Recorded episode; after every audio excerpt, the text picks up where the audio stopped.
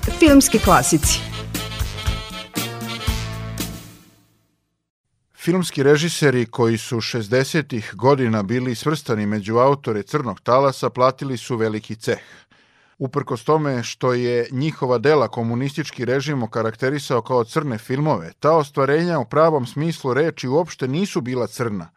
Najbolji filmovi režisera poput Živojna Pavlovića i Aleksandra Saše Petrovića nisu se suprostavljali komunističkom sistemu, već su veoma blago kritikovali tadašnju realnost i nastojali da ukažu na greške kako bi društvo postalo bolje. Bez obzira na dobre namere, mnogi režiseri koji su svrstani među autore Crnog talasa susretali su se sa mnogim poteškoćama zbog svojih filmova i većini je onemogućen rad. Među njima je i Đorđe Kadijević, koji je bio prinuđen da sa filma pređe na televiziju. Kadijević je do tada snimao realističke filmove na temu drugog svjetskog rata, koji se nisu dopadali komunističkoj vlasti, jer u njima nije ili je bilo veoma malo partizana. Režiser je više puta isticao da je time želeo da oslika realnu sliku rata čiji je svedok bio. Nakon prelaska na televiziju promenio je žanr i počeo da snima filmsku fantastiku, izgovorivši čuvenu rečenicu Ako mi ne daju da snimam realističke filmove, snimaću televizijske bajke od kojih će vam se tresti gaće. Tada nastaje čitav serijal filmske fantastike na televiziji od kojih se posebno izdvajaju ostvarenja Leptirica i Devičanska svirka, snimljena 1973. godine. Sva ta dela ostavila su veoma jak uticaj na publiku koja ih je svrstala u horore, uprkos tome što sam Kadijević te filmove ne svrstava u horore, već u filmsku fantastiku. Horor je komercijalni žanr koji je izvan mentaliteta evropskog smisla za fantaziju, smatra Đorđe Kadijević, i dodaje da se režiseri veoma često upuštaju u filmsku fantastiku, a nemaju dara za to, pa umesto da budu strašni, ti filmovi ispadnu smešni, objašnjava Kadijević. I to je najveći poraz. Znate. To je e, razlog što su se naši sinaste redko upuštali u taj žanr od uvek. Jer su znali da jako mnogo rizikuju, da umesto strašnog ispadne komedija. Znate. Znači, vi morate imati autentično osjećanje za ono što je mističko, što je, što je demonsko, što je, što, što je, što je zaista crno.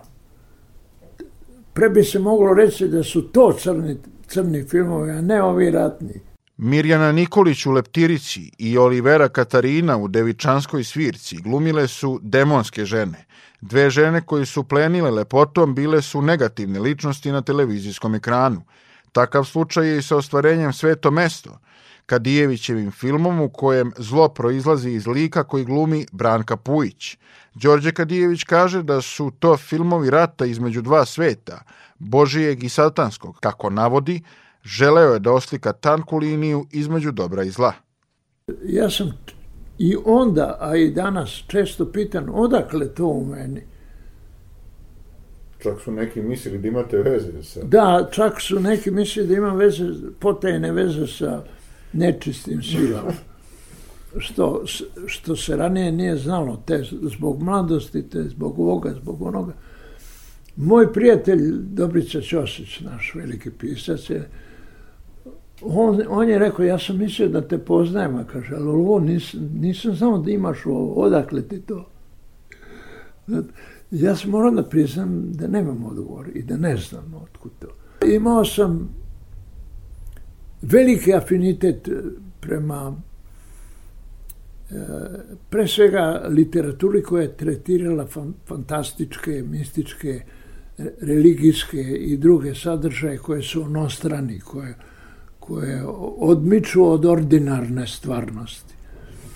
I to je bilo u meni, ja sam to osetio, da, da to živi u meni, da ja smem da pokušam da to radim.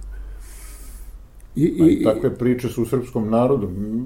Vekom da, dalje, da, u tradiciji srpskog naroda takođe postoji Još uvek. Ovaj, ta, ta, da, i tek će postojati. Znate. Nije ni čudo što postoji, uz obzir da smo mi uopšte jedan čudan narod. Ovaj, Vuk je napravio celu jednu zbirku fantastičnih priča. Ovaj. iz našeg naroda i tako dalje. Tako da sam se tu osjećao vrlo autentično. Đorđe Kadijević je sa svojim filmovima strave i užasa iza sebe ostavio za ovo društvo velika umetnička dela koja su bila veoma dobro prihvaćena u inostranstvu. Ta umetnička dela nastala su i zahvaljujući ljudima koji su tada radili na televiziji, a imali su široko znanje o kulturi i umetnosti. Među njima su Pavle Ugrinov, Svetozar Stojanović, Filip David i Zora Korać, koji su sa režiserima, između ostalih i sa Đorđem Kadijevićem, od televizije napravili umetnost koja je postala dokument jednog vremena. Filmski klasici